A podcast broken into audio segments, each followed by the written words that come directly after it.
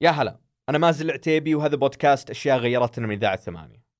في الحلقات اللي راحت كنا في كل حلقة نغطي موضوع ونشوف كيف تغير وغير في المجتمع السعودي عبر السنوات. بس هالمرة بنسوي شيء مختلف. خلال الحلقات الجاية بنغطي حدث واحد وهو حرب الخليج. الرجاء الانتباه. في هذه النشرة القوات العراقية تغزو الكويت وتعبر الحدود خلال الليل لو بتبحث الآن عن حرب الخليج تلقى محتوى كثير عنها. تلقى تغطيات سياسية واقتصادية وبيئية وبتلقى محتوى اجتماعي بعد. محتوى يحكي التجارب الشخصية لكل أطراف الحرب. كل الأطراف ما عدا السعودية. في هالسلسلة اللي راح تنشر حلقاتها يوميا حتى ذكرى التحرير بنحكي الجانب السعودي من حرب الخليج. بس قبل ما نتكلم عن الحرب نحتاج نعرف شلون وصلنا لها أصلا. يعني شيء يؤسف له إن الأيام الصعبة اللي في الواقع بتبين النحاس من الفضة. الرجاء الانتباه. في 1990 العراق قيادة صدام حسين تغزو الكويت وتهدد حدود السعودية. بس قبلها بعشر سنوات الوضع كان مختلف تماما. العلاقات بين السعودية والعراق طبعا كانت قوية ومتجذرة تقوت كذلك في الثمانينات. يعني آه، خليني أقول لك من حقيقة يعني خلينا من آخر السبعينات تقوت بزيادة لكن يعني قبل قبل الأحداث 79 في إيران تقوت العلاقة يعني العلاقة مع العراق آه، قبل. لكنه زادت بالضبط يعني مع بداية الثمانينات وزادت ربما أكثر في منتصف الثمانينات لما أصبح يعني التوتر قائم بين ال- ال- الحكومة الإيرانية والحكومات الخليج. لما بدأ التوتر ولا, ولا أقول لك حكومة الخليج الحقيقة أن حكومات العالم العربي يعني حتى كانت مع مصر كان في وكان في قطع علاقات كاملة بين الأشقاء في مصر وال والحكومة الإيرانية وقتها. فكان التأزم بين العلاقات ال- الإيرانية بين الحكومة الإيرانية والحكومات العربية أو الجامعة العربية على على العموم واضح. طبعا هالعلاقة المتوترة كانت في ظل الحرب اللي يشار لها الآن بحرب الخليج الأولى حرب إيران والعراق. المشاكل الحدودية بين العراق وإيران ترجع لأكثر من عقد أو حتى أكثر من قرن لو تبي تحسب الخلافات بين الدولتين العثمانية والفارسية. لكن هالخلافات بتتغير جذريا في 79 تتغير بسبب طبيعة القيادات اللي تحرك البلدين. من جهة الخميني اللي بعد نجاح الثورة الإيرانية كان معول على تكرار هالنجاح في باقي الدول المسلمة خصوصا جارة إيران العراق. وبكذا تكون إيران قائدة العالم الإسلامي الجديد. ومن جهة ثانية صدام حسين اللي ما كان طموحه يقل عن الخميني كان يشوف إنه يقدر يستغل الفوضى اللي خلفتها الثورة الإيرانية بأنه يعزز مكانة العراق كقوة عسكرية ويخليها قائدة للعالم العربي. بسبب هالشخصين انتقلت الخلافات الحدودية من شيء قابل للحل عن طريق الوساطات والمعاهدات صارت حرب.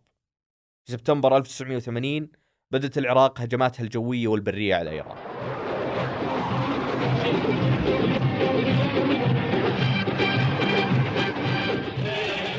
أصدرت القيادة العامة للقوات المسلحة البيان رقم واحد وهذا نصه.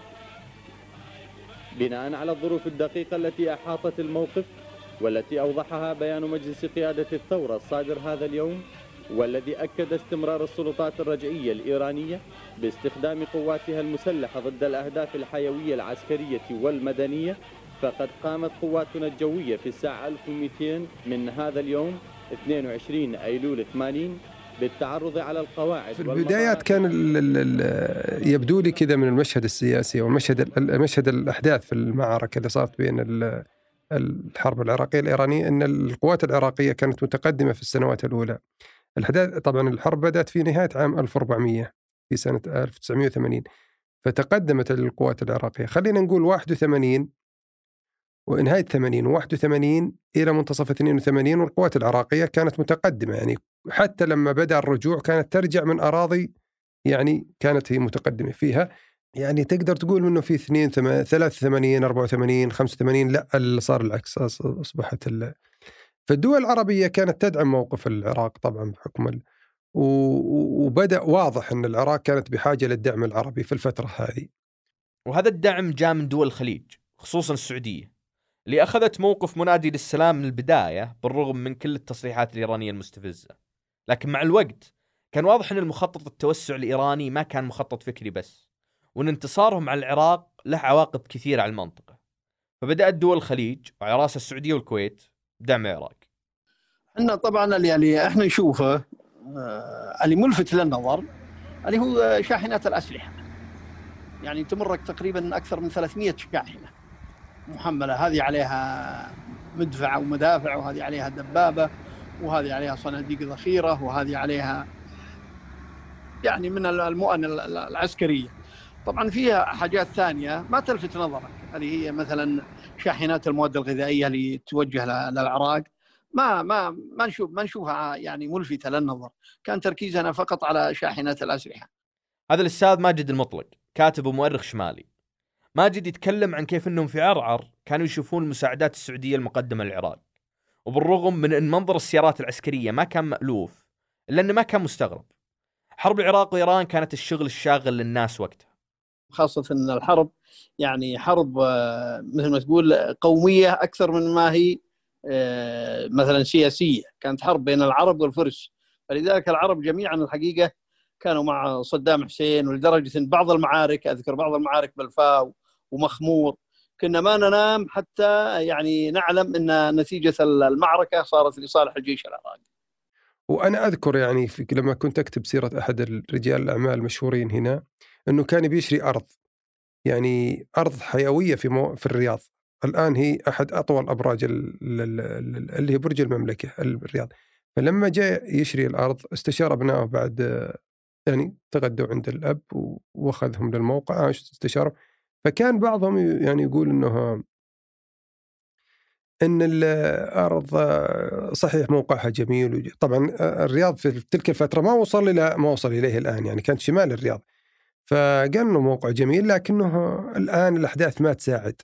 فحتى استشهد الابن الأكبر في استشهد في إن الأحداث الجبهة بين العراق وإيران كانت يعني مزعجة شوي. بعدين أنا أقصد لك من الاستشهاد بهذا إن الناس كانت واعية يعني ما كان مثل الوعي السياسي الآن بحكم إنه كلش تقارب عن التواصل الاجتماعي لكن كانت واعية بأحداث الحرب وكانت مزعجة حقيقة. ولا تزال اليوم في أدلة على التأثير المجتمعي لذيك الحرب.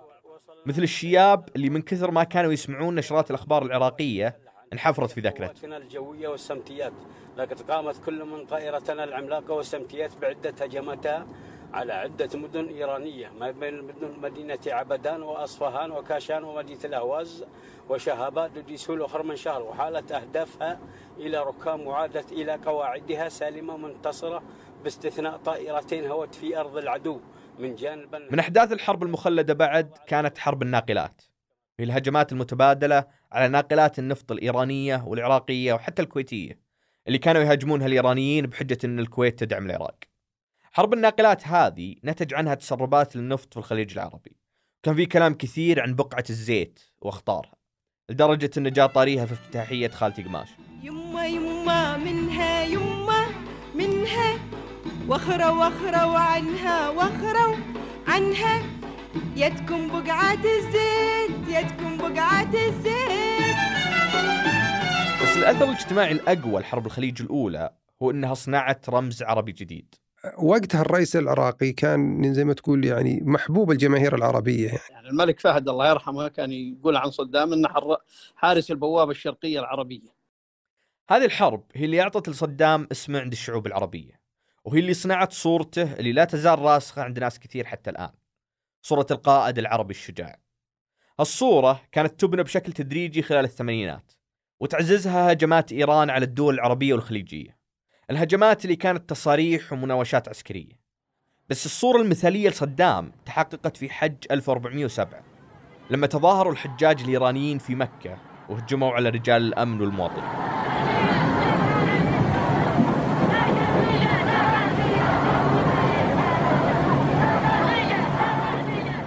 أحداث مشهورة طبعا. آه زادت آه أسهم الرئيس العراقي صدام حسين. في مو بس في السعودية ولا في الخليج في العالم الإسلامي والعربي.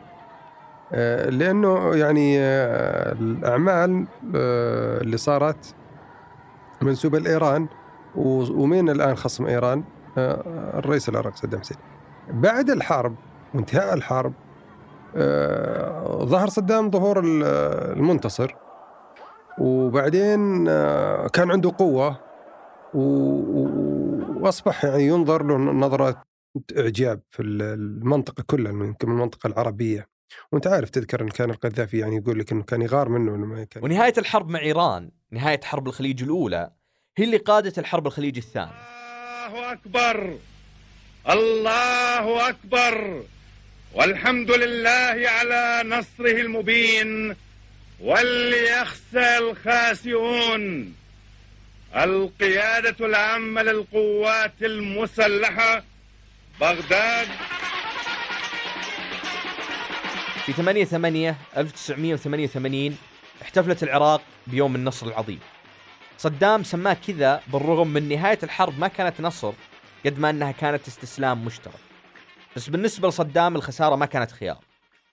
العراق طلعت من الحرب وهي قوة عسكرية معترف فيها لكن عليها أطنان من الديون. وصدام ما كان يشوف إن الاقتصاد العراقي متدهور بسبب الحرب لكن بسبب تآمر وهجوم دول عربية عليه. الهجمات اللي يدعيها كانت ثنتين إن الكويت والإمارات كانوا ياثرون على أسعار النفط عمدا عشان يضرون العراق وإن الكويت كانت تستنزف النفط العراقي عن طريق الحفر في بير الرميلة. آه، صدام يعني كان يروج لحكاية سراقين النفط ويهاجم الكويت والإمارات بالذات في هذا الموضوع. والحقيقة كان فيه يعني يقولون جماعتنا اللي بالكويت اللي كانوا يعني كانوا يروحون يصطافون بشمال العراق. يقول كنا نشوف ارتال الدبابات متجهة إلى آه، جنوب العراق يعني حول الحدود الكويتية. وبغض النظر عن الجوانب السياسية لادعاءات صدام اللي يهمنا هو ان الناس كانوا واعيين إن في توتر بين العراق والكويت. وهالتوتر كان يزيد شهر ورا الثاني. في القمة العربية اللي صارت في 1990 قبل الغزو بشهرين صدام قال كلمته هذه. إنه أحيانا الحرب تصير بالجنود وأحيانا الإيذاء يصير بالتفجيرات وبالقتل وبمحاولات الانقلاب وأحيانا أخرى يصير بالاقتصاد. فنرجو من إخواننا الذين لا يقصدون الحرب. أنا أعود لأتكلم هذه المرة فقط ضمن حقوق الكلام في إطار السيادة عن العراق. فأقول الذين لا يقصدون الحرب كن الحرب على العراق أقول ترى هذا نوع من الحرب على العراق. ولو ترجع الجرايد اللي نشرت في شهر 6 و7 من ذيك السنة تلقى أكثر من إشارة لهالتوتر وتتساءل شلون ما أحد توقع الغزو. والصدق هو أن المنطقة كاملة كانت متوترة وقتها. كان في القضية الفلسطينية والحروب الأهلية اللبنانية واليمنية غير الأشياء اللي تصير في باقي العالم مثل انهيار الاتحاد السوفيتي والصراع في أفغانستان. مقارنة بكل هالمشاكل التوتر بين العراق والكويت كان يعتبر هامشي شوي. فما أحد كان متوقع.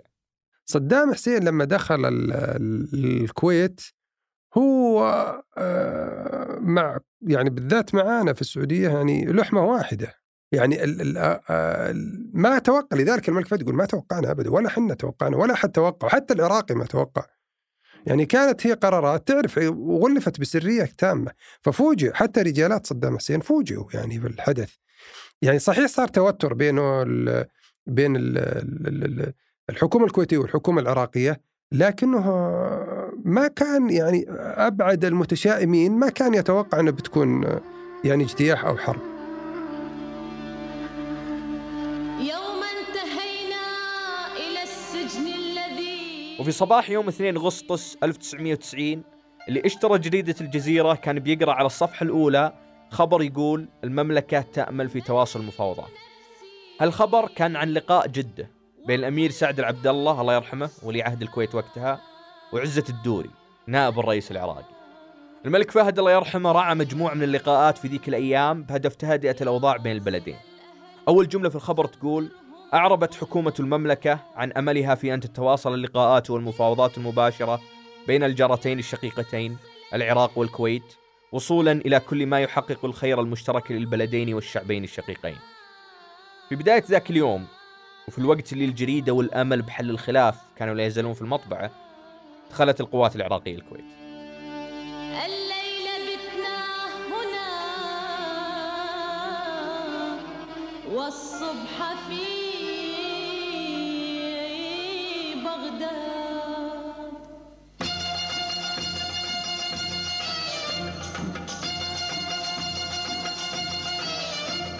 يوم انتهينا شكرا للأشخاص اللي أثروا هذه الحلقة بتجاربهم ومعلوماتهم.